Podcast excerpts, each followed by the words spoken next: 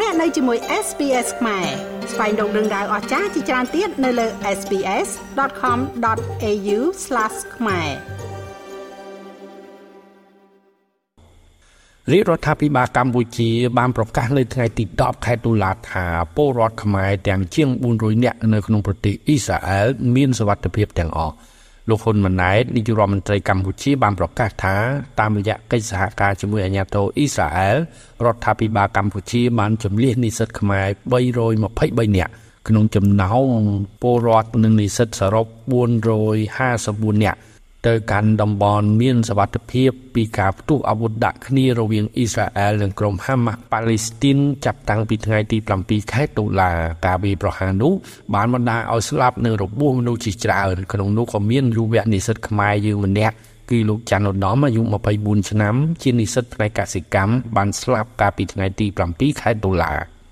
លោកនាយរដ្ឋមន្ត្រីហ៊ុនម៉ាណែតបានបញ្ជាក់នៅថ្ងៃទី10ខែតុលាថារាជរដ្ឋាភិបាលនឹងបន្តយកចិត្តទុកដាក់តាមដានដាក់ចេញវិធានការនានាបន្តទៀតសម្ដៅការពារនិងសង្គ្រោះជីវិតពលរដ្ឋខ្មែរនៅអ៊ីស្រាអែលក្នុងនោះក៏រាប់បញ្ចូលនៅនិស្សិតខ្មែរ131នាក់ទៀតដែលកំពុងស្ថិតក្នុងតំបន់ហានិភ័យផងដែរ។ ក្រៅពីលើកឡើងក្នុងពិធីប្រកាសដាក់ឲ្យអនុវត្តជាផ្លូវការយុទ្ធសាស្ត្រជាតិស្ដីពីការអនុវត្តសេដ្ឋកិច្ចក្រៅប្រព័ន្ធនៅឆ្នាំ2023ដល់ឆ្នាំ2028នៅថ្ងៃទី10ខែតុលាលោកហ៊ុនម៉ាណែតក៏បានបញ្ជាក់នៅក្នុងសារជាសម្លេងជូនជនរួមជាតិថា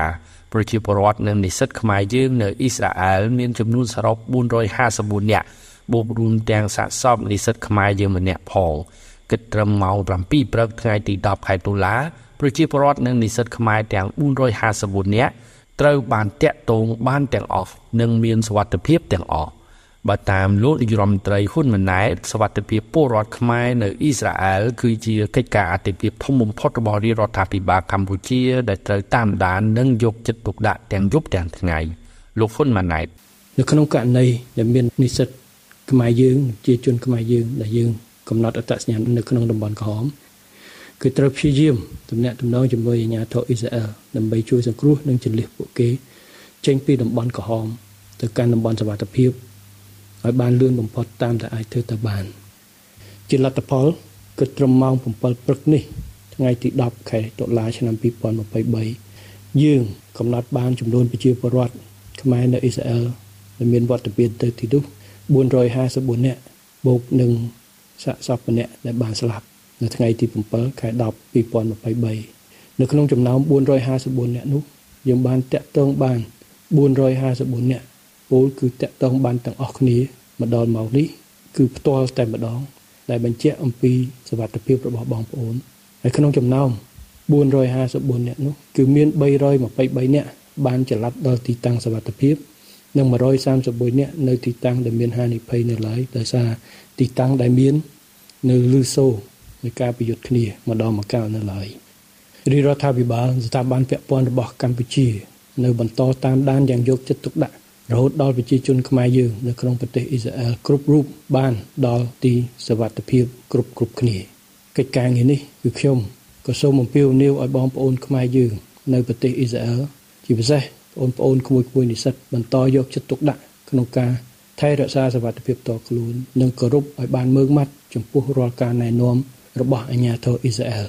សូមឲ្យបងប្អូនរក្សាភាពស្ងៀមស្ងាត់និងជឿជាក់ទៅលើសមត្ថភាពរបស់អាញាធរអ៊ីស្រាអែលដែលជាម្ចាស់ផ្ទះក្នុងការធានាសុវត្ថិភាពជូនប្រជាពលរដ្ឋទាំងអស់រួមមានប្រជាពលរដ្ឋអ៊ីស្រាអែល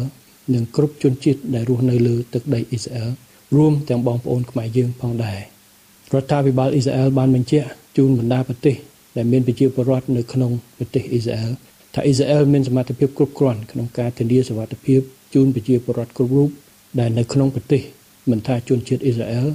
ឬជនបរទេសទេហើយរដ្ឋាភិបាលអ៊ីស្រាអែលនឹងផ្ដល់ការជួយ ជនបរទេសដោយជនជាតិអ៊ីស្រាអែលផងដែរជាមួយគ្នានេះដែរលោកប៉ែនមូណារដ្ឋមន្ត្រីប្រតិភូអមនាយករដ្ឋមន្ត្រីនិងជាអ្នកនាំពាក្យរាជរដ្ឋាភិបាលកម្ពុជានៅយប់ថ្ងៃទី10ខែតុលា បានប្រកាសពីបច្ចុប្បន្នភាពស្ដីពីស្ថានភាពនៅក្នុងប្រទេសអ៊ីស្រាអែលសម្រាប់ថ្ងៃទី10ខែតុលាឆ្នាំ2023នោះគឺលោកបានបញ្ជាក់ថាស្ថានភាពនៅអ៊ីស្រាអែលមានភាពស្ងប់ស្ងាត់ខណៈដែលនិស្សិតខ្មែរទាំងអស់មានសុវត្ថិភាពលោកប៉ែមុនណាបានថែមថា